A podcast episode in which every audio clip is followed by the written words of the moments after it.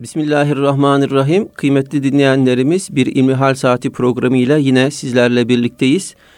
Yüce Rabbimizin selamı, rahmeti ve bereketi üzerimize olsun. Efendim üç aylara girmiş bulunuyoruz. Yarın akşam inşallah Regaib Kandilini idrak edeceğiz. Tüm dinleyenlerimizin ve tüm Müslümanların Regaib Kandilini tebrik ediyoruz. Hayırlara vesile olmasını Yüce Rabbimizden niyaz ediyoruz. Sizlerden bize ulaşan ilmihal sorularına malumunuz olduğu üzere değerli hocamız Doktor Ahmet Hamdi Yıldırım cevap veriyor. Muhterem hocam son günlerde Avrupa'da mukaddes kitabımız Kur'an-ı Kerim'in yakılması ile ilgili bir hadise yaşandı. Müslümanca duruş bu gibi durumlarda nasıl olmalıdır? Buyurun efendim. Elhamdülillahi Rabbil Alemin ve salatu ve selamu ala Resulina Muhammedin ve ala alihi ve sahbihi ecmain. Öncelikle şunu bilmemiz gerekiyor ki hakla batılın mücadelesi kıyamete kadar devam edecektir. Cenab-ı Allah Adem'i yaratıp da iblise Adem'e secde etmesini emrettikten beri şeytanın insanoğluyla bir mücadelesi, bir kavgası var. Nihayetinde şeytandan tarafa olanlarla Cenab-ı Allah'tan tarafa olanların kavgasının görüldüğü, yaşandığı bir sahnedir dünya sahnesi. Müslümanların kendilerinden başka dostu yoktur. Müminler müminlerin dostudur. Maalesef bunun e, hakkını, değerini verebildiğimizi söyleyemeyeceğim Müslümanlar olarak. Hele de Müslüman olmayan kimselerin Müslümanlara bakışları her zaman problemli olmuştur. Hz. Peygamber aleyhissalatü vesselam Efendimiz'e onun peygamber olarak gönderildiği dönemden itibaren bakışları hep inkarcı bir bakış olmuştur. Bizler Müslümanlar olarak gayrimüslimlere, Müslüman olmayan unsurlara adaletle davranmakla emrolunmuşuzdur. Ve yeryüzünde egemen olduğumuz dönemde de Müslüman olmayanların her türlü insani ve vicdani haklarına aşırı azami saygı göstermiş, hürmet göstermişizdir. Onların dinlerini imha etme gibi, inançlarını yok etme gibi bir baskı ve despotik rejim uygulamasına asla müsaade edilmemiştir. Bunun en büyük delili de Balkanlarda sizin de geldiğiniz coğrafyada hala gayrimüslim unsurların çok canlı olarak bulunuyor olmalarıdır. Osmanlı'nın yıkılış döneminde Anadolu'daki gayrimüslim unsurlar Müslüman unsurlardan daha fazla sayıca bulunmaktaydılar. Bunların hepsi Müslümanların iktidar alanlarında insanların dinini değiştirme, inançlarını değiştirme, onları bir inanca kanalize etme gibi zorla bir eğilimlerinin, bir teşebbüslerinin olmadığını göstermektedir.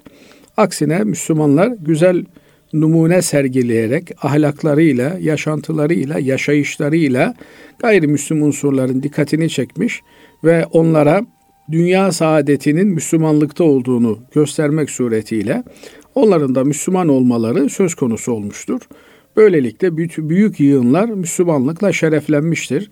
Ama bugün e, batıda gördüğümüz göreceli olarak insanların insan hakları diyarı diye adlandırdığı işte medeniyetin, demokrasinin bilmem şunun bunun beşiği diye adlandırdıkları e, yerin maalesef kendilerine demokrasi, kendilerine insan hakları, kendilerinden olmayanlara karşı onları sömürmeye yönelik bir düzen olduğunu görüyoruz.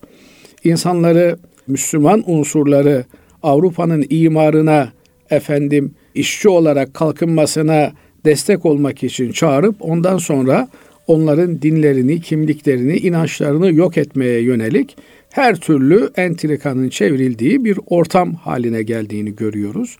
Müslümanları onların kutsal değerlerine saldırmak suretiyle ve bunu da tırnak içerisindeki ifadesiyle insan hak ve hürriyetleri vicdani özgürlük bağlamında dile getirmeleri onların sahtekarlıklarının, iki yüzlülüklerinin, aymazlıklarının en bariz göstergesidir. Bütün Müslümanların bunu böyle bilmesi gerekiyor. Maalesef bir takım İslam dünyasındaki despotik rejimler bu tür rejimlerin hala Müslümanların gözünde şirin görünmesine yol açıyor. Orta Doğu'da, Müslüman coğrafyada kendi ülkelerinde barınma imkanı bulunamayan bir takım Müslümanlar buralarda yaşama imkanı buldukları için buraları adeta yeryüzünün kurtarılmış bölgesi olarak görüyorlardı. Fakat bugünkü olaylar gösteriyor ki bu vahşiler Müslümana tahammül edemiyorlar. Müslümanlıklarına asla tahammül edemiyorlar Müslümanın. Eğer Müslüman dininden, diyanetinden, ahlakından, örfünden soyutlanıp da Batı toplumunun potasında onlar gibi olursa o zaman onların makbul hizmetçisi haline geliyor. Ama eğer kimliğiyle var olmak isterse, Kur'an'ıyla var olmak isterse, kendi benliğiyle var olmak isterse, İslam'ıyla var olmak isterse o zaman onun Kur'an'ına, İslam'ına, Müslümanlığına her türlü hakareti serbest olarak görüyorlar. Ama aynı şeyi onların kendi kutsallarına yönelik yapıldığında efendim e, LGBT ile ilgili bir tepki ortaya konulduğunda veya işte antisemitik bir takım faaliyetler yapıldığında buna karşı büyük tepkiler ortaya koyabilmekte. Bunu bir nefret suçu olarak görebilmekte. Bunu bir efendim insanlık dışı bir suç olarak değerlendirebilmekte. Ama Müslümana hakaret bir nefret suçu olarak görülmemekte. Bu çifte standart maalesef Batı'nın öteden beri uyguladığı bir yoldur, yöntemdir. İsviçre'de de bir densizin teki böyle bir aymazlığın içerisine girmiştir. Elbette ilahi adalet buna haddini bildirecek, gerekli cezayı dünyada ve ahirette görecektir. Ama Müslümanların da buna karşı tepkisiz kalması asla kabul edilebilecek bir durum değildir. En büyük tepkiyi de önce kitabımıza sahip çıkarak göstermemiz gerekiyor.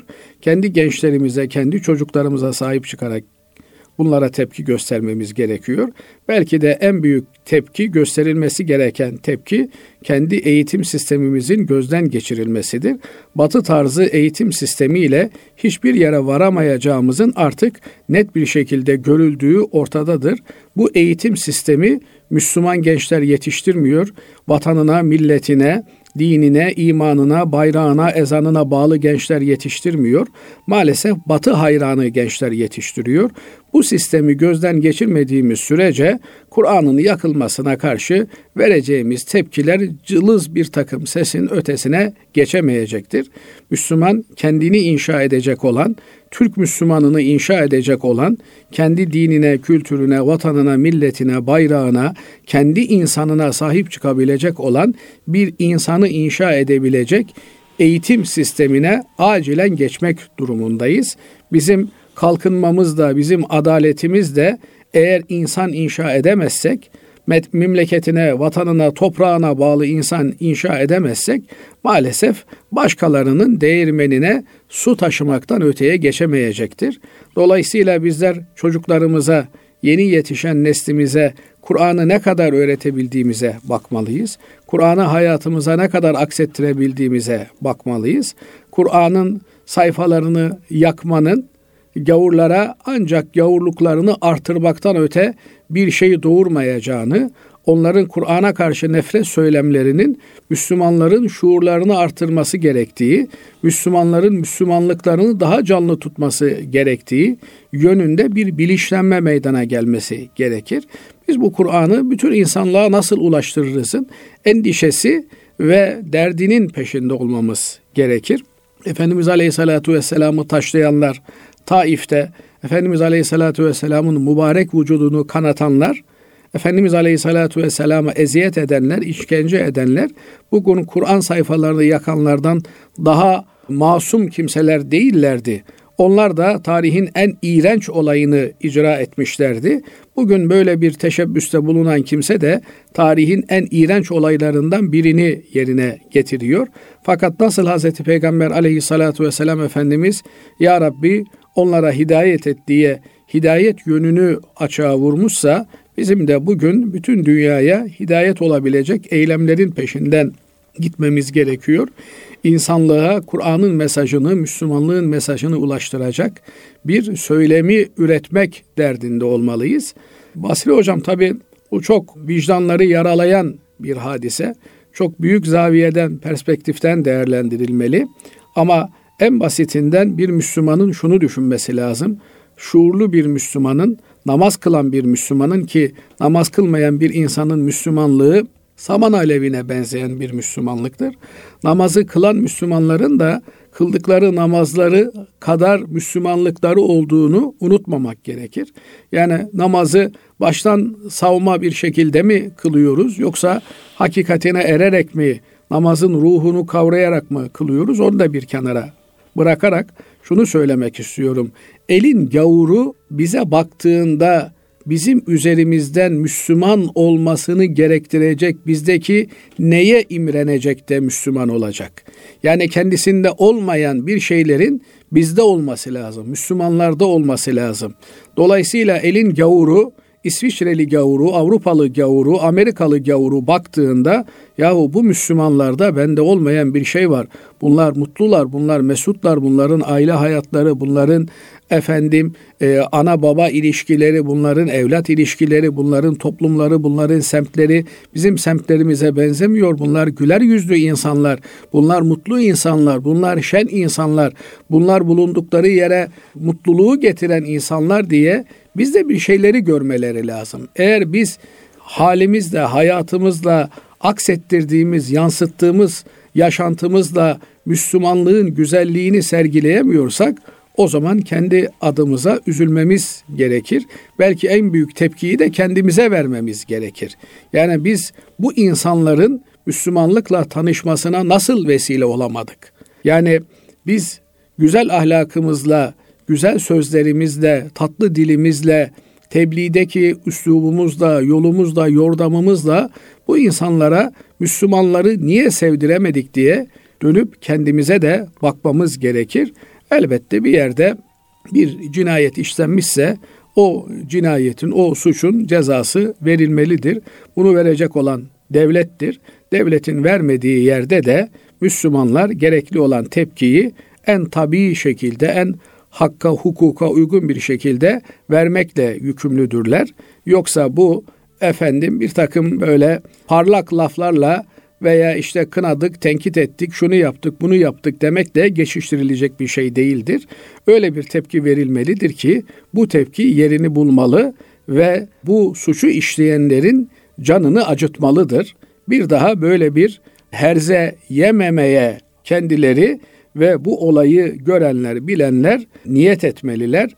Biz Müslümanlara dokunamayız. Dokunursak bunun maliyeti çok ağır olur demeliler. Bunu yapmak Müslümanların üzerine bir vecibedir. Binaenaleyh Müslümanlar en basit yoluyla, e, yönüyle bu olaylara ev sahipliği yapan ülkeyi ve o ülkenin ürettiği her şeyi boykot etmek suretiyle böyle bir bilinç geliştirmek durumundadırlar ve e, onlara yönelik de her türlü mecrada gerekli olan cevabı ve eylemi ortaya koymaları hikmet çerçevesinde lüzumlu ve gereklidir diye düşünüyorum. Ama yine olay bizde bitiyor. Bizim Kur'an'a sahip çıkmamızda ve Kur'an nesli yetiştirmemizde bitiyor. Hakikaten bizim bugün memleketimizde yetiştirdiğimiz gençler Kur'an nesli diyebileceğimiz gençler midir? Kur'an'ın yayılması için, Kur'an'ın hükümlerinin e, toplumumuzda egemen olması için ne yapıyoruz? Dönüp bunun üzerinden ilk muhasebeyi yapmamız gerekir diye düşünüyorum. Evet Allah razı olsun değerli hocam. Efendim şimdi dinleyicilerimizden gelen sorulara geçmek istiyorum. Bir dinleyicimiz şöyle bize bir soru göndermiş. Yatsı namazından sonra teheccüd namazı kılıp ondan sonra da vitir kılıp yatsam olur mu? Teheccüd için ille uyuyup uyanmak mı gerekir diye soruyor. Şimdi teheccüd namazı gece kılınan bir namazdır. Teheccüd namazı Efendimiz Aleyhisselatü Vesselam'a farz olarak yüklenmiş. İlk dönemde bütün müminlere farz olarak kılınması emredilmiş bir namazken daha sonra farziyeti kaldırılmış, nafile bir namaz olarak devam etmiştir.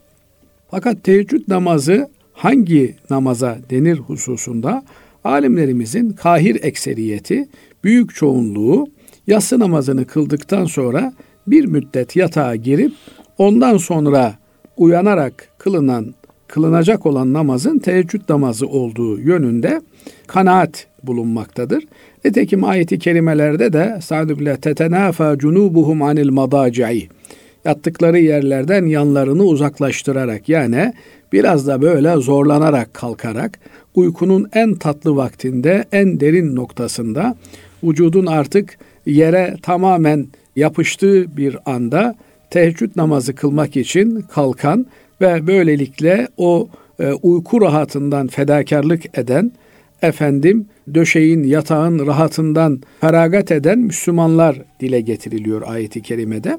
Buradan da anlaşılan e, yatsı namazını kıldıktan sonra bir müddet uyumanın, uyuma söz konusu olamasa da en azından yatakta uyumak niyetiyle uzanmanın, ondan bir müddet sonra kalkıp namaz kılmanın makbul olduğu, bu kılınan namaza da teheccüd namazı denileceği, Kur'an-ı Kerim'in e, farklı yerlerinde teheccüd namazından bahsedilirken gecenin bir kısmında kalkmaktan, gecenin yarısında, gecenin üçte ikisinde, üçte birinde gece kalkıp da e, ibadet etmekten, namaz kılmaktan bahsedilmektedir.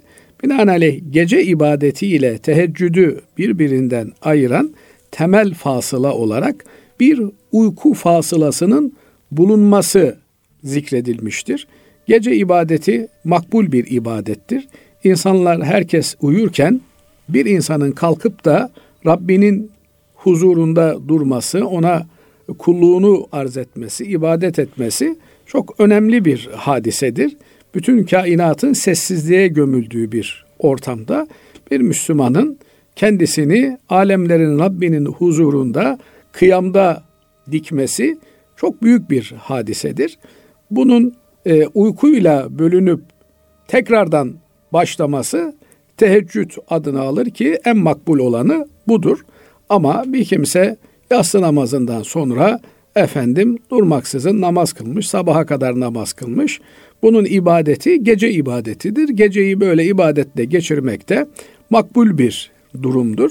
Elbette insan ibadet yoğun bir hayat yaşayacağım diye vücudunun bitkin düşmesine de müsaade etmemelidir. Herkes kendi e, durumunu bilir, sağlığını bilir. Sağlığını tehlikeye sokmayacak bir şekilde günlük ibadetlerini bir Müslümanın ayarlaması gerekir. Gece namazı e, gündüz tedbirlerle beraber olduğunda anlamlıdır. Şöyle ki bir insan gece teheccüde kalkıp eğer sabah namazını camiye gidemiyor ise burada bir problem var demektir. Çünkü asıl olan Müslümanın bütün namazları camide cemaatle kılmasıdır. Hadi camide kılamadığında da kendi evinde veya işte bulunduğu yerde cemaatle namazını kılmasıdır. Teheccüde kalktım diye hemen ezan okunur okunmaz sabah namazını kılıp yatmak o günün anlam ve önemine uygun bir davranış olmuş olmaz. Müslüman vakitlerini doğru ayarlamalı, zamanı iyi kullanmalı. Önce yapması gereken en asli vazifelerini yapmalı, farzlarını yapmalı. Sonra Efendimiz Aleyhisselatü Vesselam'ın bizlere tavsiye ettiği sünnetleri yapmalı. Sonra da efendim tarikat dersidir, kendi virdidir vesairedir. Onlarla meşgul olmalı. Bir kimse efendim Hazreti Peygamber aleyhissalatü vesselam Efendimizin bizlere tavsiye ettiği, emrettiği namazın tesbihatını çekmeyip de ben gece kalkıyorum, tarikat dersimi yapıyorum, evradımı yapıyorum diye kendini kandırmamalıdır. Önce sırasıyla farzlar, sünnetler gelir. Ondan sonra nafileler gelir. Nafilelerle beraber kul Cenab-ı Allah'a daha fazla yakınlaşır. Maksat Cenab-ı Allah'a yakınlaşmaktır. Ama en fazla mesafe aldığımız ibadetler farz olan ibadetlerdir. Binaenaleyh farz ibadetlere halel getirmeyecek bir şekilde farz ibadetlerin en mükemmel, en tamam şekliyle yerine getirilmesine engel olmayacak şekilde nafile ibadetlerle bir insan meşgul olur. Bu yönüyle de teheccüde kalktım ondan sonra e, akşama kadar yatma serbest diye düşünmemeli bir insan. Teheccüd gecenin en önemli ibadetlerinden biridir. Çünkü gece herkesin uyuduğu bir vakitte bütün mahlukatın onun ibadetine şahitlik etmesi, onun Kur'an'ına şahitlik etmesi inne Kur'anel fecri kâne meşhuda diyor. Seher vakti okunan Kur'an, seher vakti namazda okunan Kur'an bütün kainatın tanıklık ettiği bir Kur'an'dır. Bundan insan kendini mahrum etmemeli. Hiç olmazsa gecenin bir vakti kalkıp iki rekat namazla her geceye bir kandil yakmalı. Elbette ne kadar ibadet yaparsak yapalım, ibadetin hem kemmiyet olarak hem keyfiyet olarak daha üstünü olacak.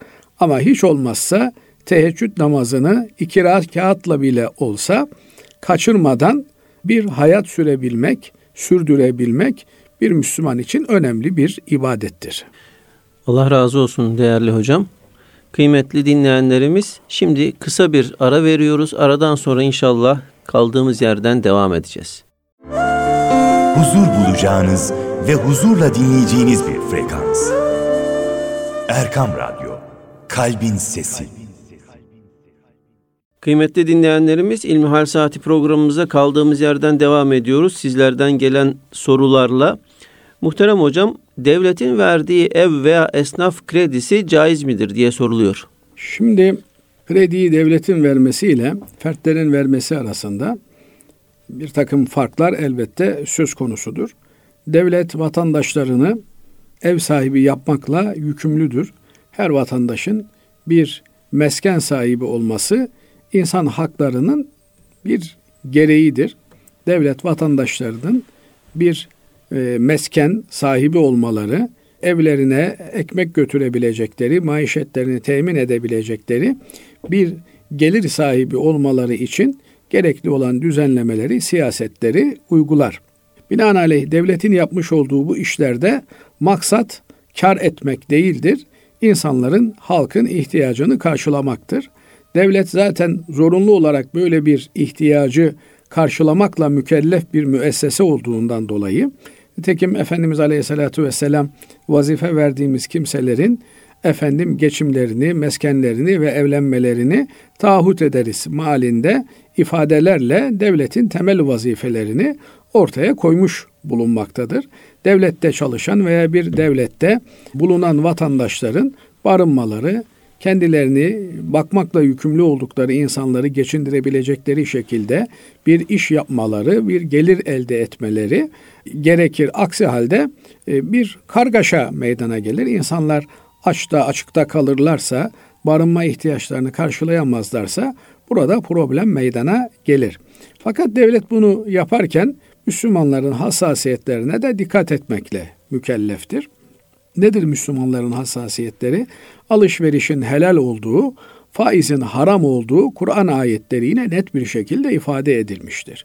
Binaenaleyh devlet bu işi alışveriş şeklinde yapmalıdır. Ama faiz şeklinde yapması halinde faizi devletin almasıyla bireylerin alması arasında bir fark bulunmaz. Binaenaleyh Müslüman faizden kaçınmakla mükelleftir. Faizin olduğu yerden uzak durmakla mükelleftir. Şu kadar var ki eğer bir insan dağda, açta, açıkta kalmış, efendim yiyebilecek, hayatını devam ettirebilecek bir gıda maddesi yanında yok. Orada işte ölmüş olan, leş olan hayvanlar var. Onların etinden ölmeyecek kadar yemesine Kur'an-ı Kerim müsaade ediyor. Aşırıya kaçmamak ve kendi hayatiyetini devam ettirebilecek kadar helal olmayan, aslında haram olan meyteden yemesine hayatiyetini devam ettirebilmesi için müsaade ediliyor.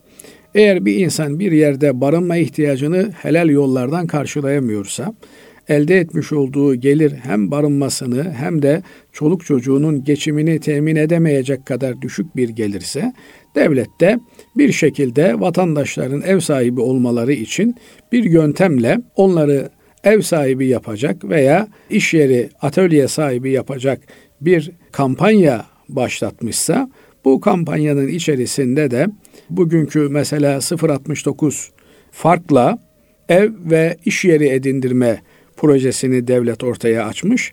Geleneksel bankalar bu farkı faiz olarak vermekteler. Efendim İslami katılım bankaları ise bunu kar payı üzerinden vermekteler.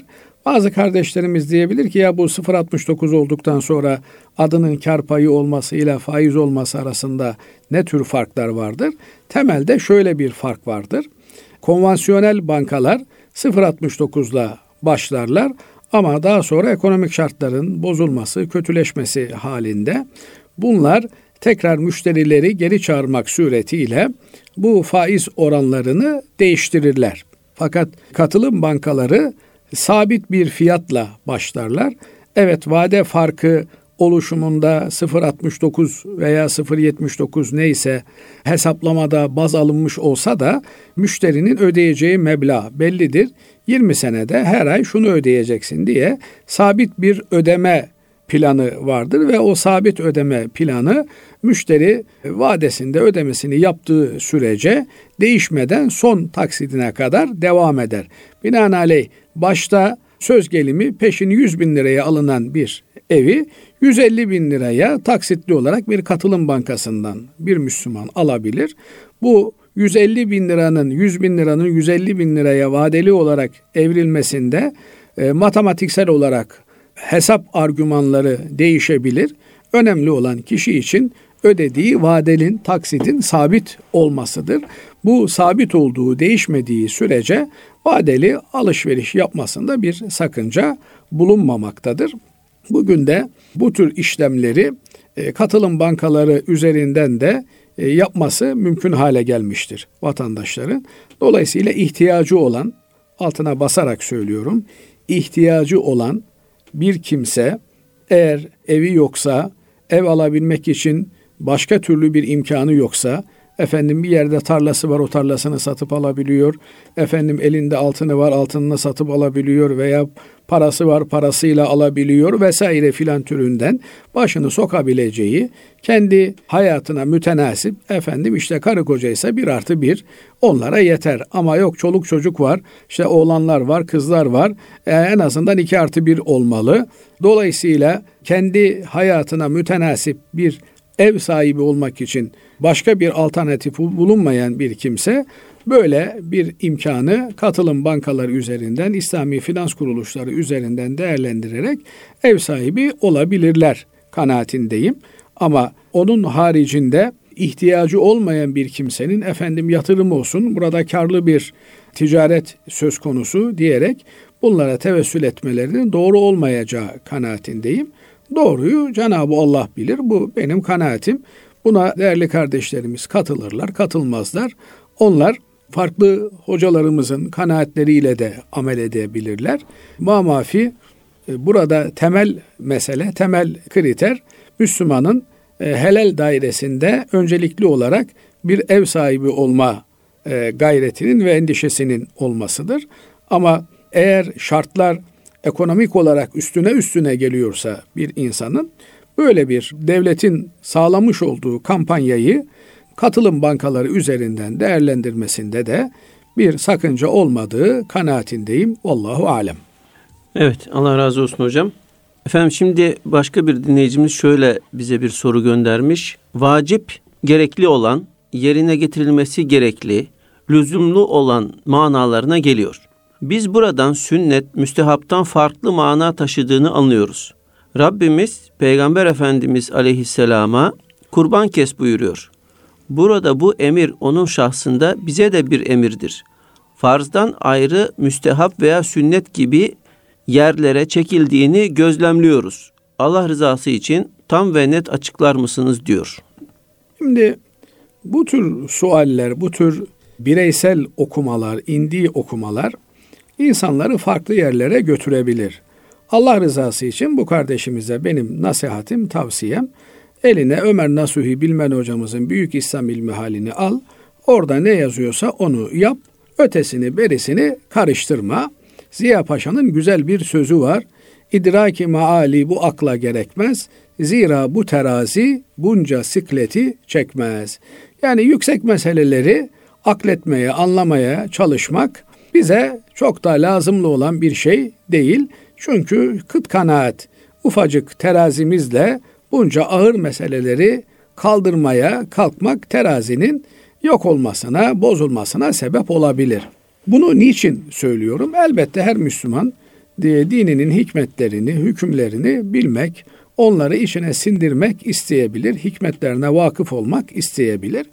Ama takdir edersiniz ki özellikle de 21. yüzyılda Hicri 15. asırda her şeyin branşlaştığı, efendim insan vücudunda eskiden 5-10 tane branş varken tıpta şimdi yüzlerce branşın ortaya çıktığı, kimsenin kimsenin branşına karışmadığı bir noktada efendim bu göz nasıl görüyor Allah için bana bunu anlatın yoksa ben görmeyeceğim bundan sonra diye bir insanın iddia etmesi bana çok böyle tutarlı bir şey olarak gelmiyor.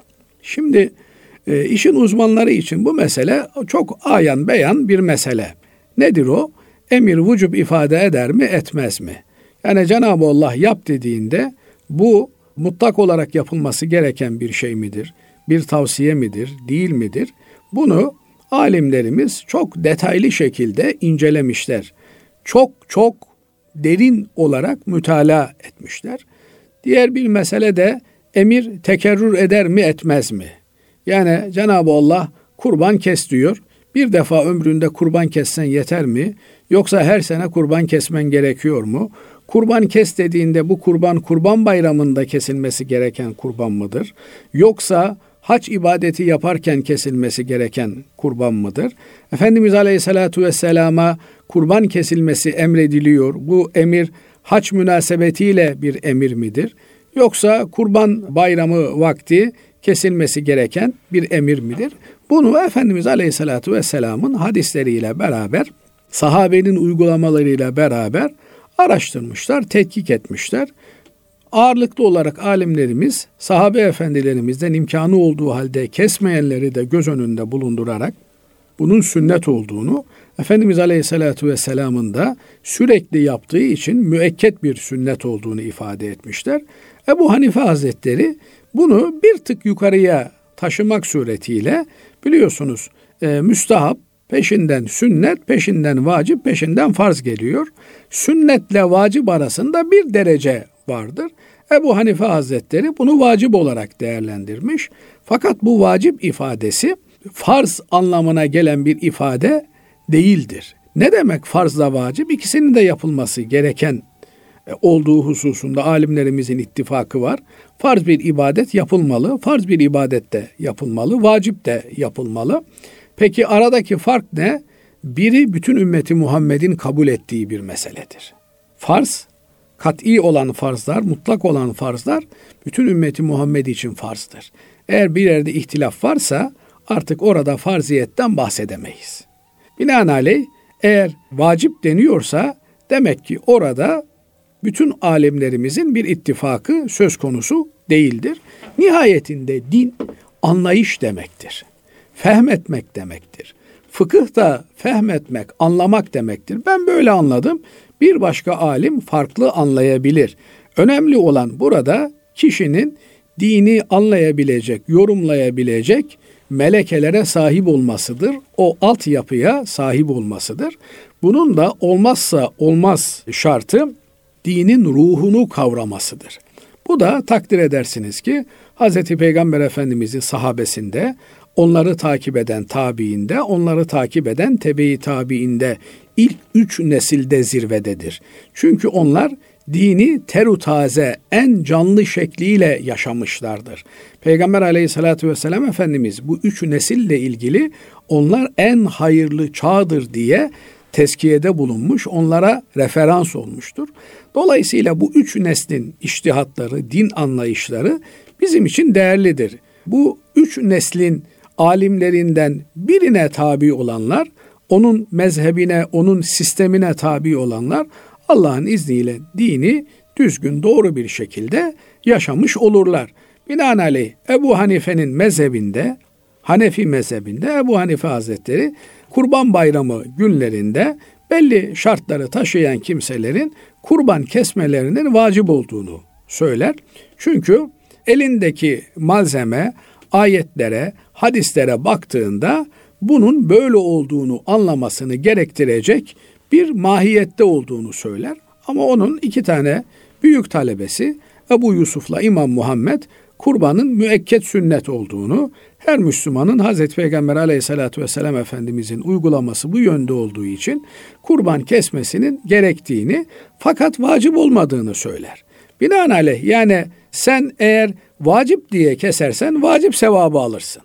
Fakat bu sene vacip diye kesip de seneye e, efendim bu sene pek işler iyi değil, bu sene kesmeyelim sünnettir dersen o zaman kendi kendinin mezhebini kurmuş olursun ki bu çok yanlış olur. Binaenaleyh bir insan bir mezhebe tabi olur, o mezheptekileri yapmaya çalışır. Şimdi Allah billah aşkına böyle bir feryat edip de figan edip de bana doğruyu söyleyin. Doğru kimsenin tekelinde değil ki. Şimdi bazen böyle oluyor. Efendim bir fetvayı burada dile getirmişiz. Bu senin görüşün mü, cemaatin görüşü mü, okulun görüşü mü, İstanbul'un görüşü mü diye bir kardeşimiz feryadı figan kopartıyor. Kardeşim benim ağzımdan çıktığına göre benim görüşüm. Beğenirsen alırsın, beğenmezsen duvara çalarsın, işine bakarsın. Yani bir adam bir fıkhi görüşü dile getirdi diye buna dinden imandan çıkmış muamelesi yapmak veya senin işine geldi gibi fetva verdi diye Allah senden razı olsun hocam senden daha büyük hoca yok diye de ortalıkta cirit atmak bunlar doğru hareketler değil. Sahabe efendilerimizin dini yaşadığı şekilde yaşamalıyız. Bir insanın dinine, diyanetine güveniyorsanız bu insan keyfe keder beni memnun etmek için değil, kafasına göre değil, bildiği kadarıyla Allah'ın dininden anladığı kadarıyla bana doğruyu söyler diye itimat ediyorsanız ona sorarsınız ve onun söylediğini yaparsınız. Efendim Şimdi hocam sözünüzü balla kesiyorum. Balla veya sirkeyle istediğin gibi kesebilirsin Basri Hocam. Yani illa balla kesmene gerek yok. Şimdi efendim. Zaten şeker e, hastasıyım. Bal kullanamıyorum. Fukahamız, fakihlerimiz efendim bu efali mükellefini efendim e, zikrettiniz. Farz, vacip, sünnet, müstehap. Bunları böyle belirlemişler. Fakat esasında bazı diyelim ki bazı müstehaplar, sünnetler var ki onların yani behemehal yapılması lazım. Ama şimdiki insanımız ya bu sünnetmiş veyahut da bu müstehapmış diye hani bunu hafif görebiliyor. Bu yanlış. Evet. Bu yanlış. Belki de bu kardeşimizin e, serzenişi bundan dolayı. Şimdi mesela ezan sünnettir desem. Ne anlarız bundan biz? Ezan sünnettir ama uğruna savaş çıkartılabilecek bir sünnettir. Yani şimdi erkek çocuklarının sünnet edilmesi sünnettir. E sen gel şimdi Anadolu insanına kardeşim bu sünnetmiş bunu yapmasan da olur de. Savaş çıkar. Tabii. Kan akar. Bu ülkede Kur'an yasaklanmış, din yasaklanmış, Kur'an okuyanlar hapse atılmış ama ümmeti Muhammed çocuklarını sünnet etmekten vazgeçmiş mi? Geçmemiş. Niye? Çünkü o sünnet öyle böyle bir sünnet değil. Kurban da öyle böyle bir sünnet değil. Yani bir yerde kurban ibadeti unutulacak olsa oradaki insanlara hoppala ne oluyorsunuz siz? Siz nasıl Müslümansınız diye hesap sorulur. Fakat kurban içtimai bir ibadettir. Yani toplumda kurban heyecanının yaşanması gerekir.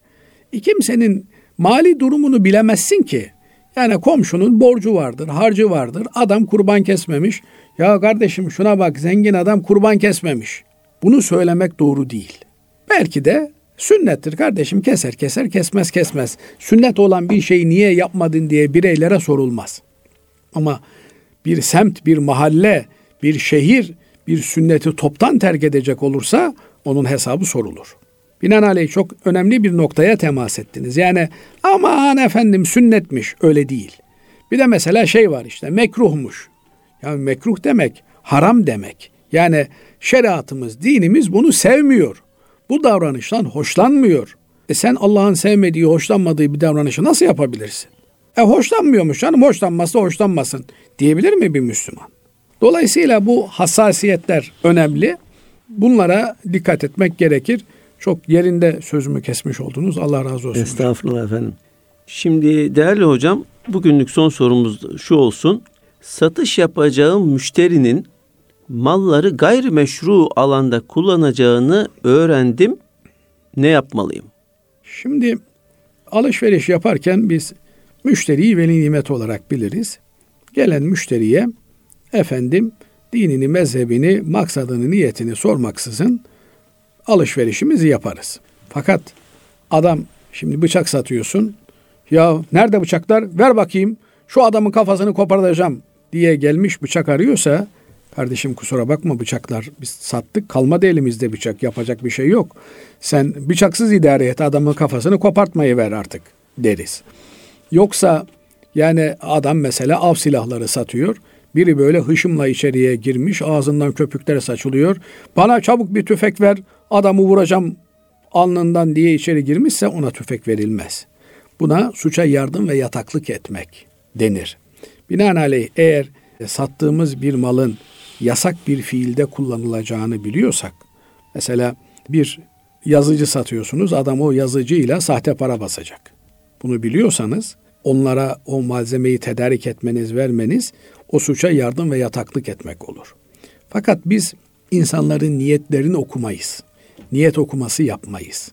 Bir adam gelmiş bizden işte e, ip istiyor. Ben ne bileyim adamın bu iple gidip de birini boğacağını edeceğini. Bu ipi satmak suç teşkil etmez. Dinen de biz eğer bizden alışveriş yapan bir kimsenin alışverişini yanlış yerlere kullanacağını, maksadının kötü olduğunu bilmiyorsak yaptığımız satışta bir sorumluluğumuz bulunmaz. Yine aynı şekilde üzüm satıyoruz. Adam üzümü efendim e, şarap yapmak üzere alıyormuş. Biz onun alıp da onu şarap yapacağından emin olmadığımız sürece bu satışımız da bizim için bir problem teşkil etmez. Ama götürüp de şarap fabrikasına üzümü satıyorsanız, efendim götürüp de tütünü sigara fabrikasına satıyorsanız, orada o zaman orada sıkıntı var demektir. Niye? Siz bile isteye bir günaha ortak olmuş oluyorsunuz. Tekim Efendimiz Aleyhisselatü Vesselam e, şarapla ilgili şarabı sıkana, sıktırana, taşıyana, her türlü lojistiğini yapana lanet ediyor. Faizle ilgili faizi yiyene, yedirene, şahitliğini yapana, muhasebesini tutana, her türlü lojistiğini yapana lanet ediyor. Binaenaleyh Cenab-ı Allah'ın Maide suresindeki ayeti çok açık. Günah ve isyan olan bir şeyde birbirinizle işbirliği yapmayınız. Şimdi bazıları e, fıkıh kitaplarındaki ifadeleri yanlış anlamak suretiyle efendim e, şarap yapana üzüm satmakta bir sakınca yoktur. Sen şarap yaptığını bilmiyorsan sakınca yoktur. Veya hukuken ticari olarak bu işlem zahiri şartları itibarıyla geçerli bir işlemdir. Ama diyaneten Allah bunun hesabını sana sorar mı? Sorar. Harama destek olmak, harama yardımcı olmak, günaha velev ki yarım ağızda olsun katkıda bulunmak Allah'ın hesap soracağı şeylerdendir. Bu hususlara dikkat etmek lazım. Bir Müslüman günah olan bir şeyi gördüğünde onu eliyle düzeltmek olmadı, diliyle düzeltmek olmadı, kalbiyle buz etmek durumundadır. Kaldı ki haram olan bir şeye bir Müslümanın yardım ve yataklık yapması nasıl mümkün olsun? Haram bir iş için kullanılacak dükkanını kiraya verebilir misin? Veremezsin. Bir Müslüman nasıl kendi mülkünde haram bir işin işlenmesine razı olabilir? Efendim bu e, işte kitapta olur diyor. Kitapta olur demesi seni kurtarmaz kardeşim. Yani kitapta zahire göre, ticaret hukukuna göre olur olması din diyanet açısından olabileceği anlamına gelmez. Bu yarım hoca dinden eder, yarım doktor candan eder gibi bir mesele. Cenab-ı Allah yalandan yanlıştan hepimizi muhafaza eylesin. Dinimizi yanlış anlamaktan, aktarmaktan muhafaza eylesin. Doğruyu bilip doğruyu söylemeyi hepimize nasip ve müyesser eylesin. Allah razı olsun kıymetli hocam. Teşekkür ediyoruz. Değerli dinleyenlerimiz hepinizi Allah'a emanet ediyoruz. Hoşçakalın.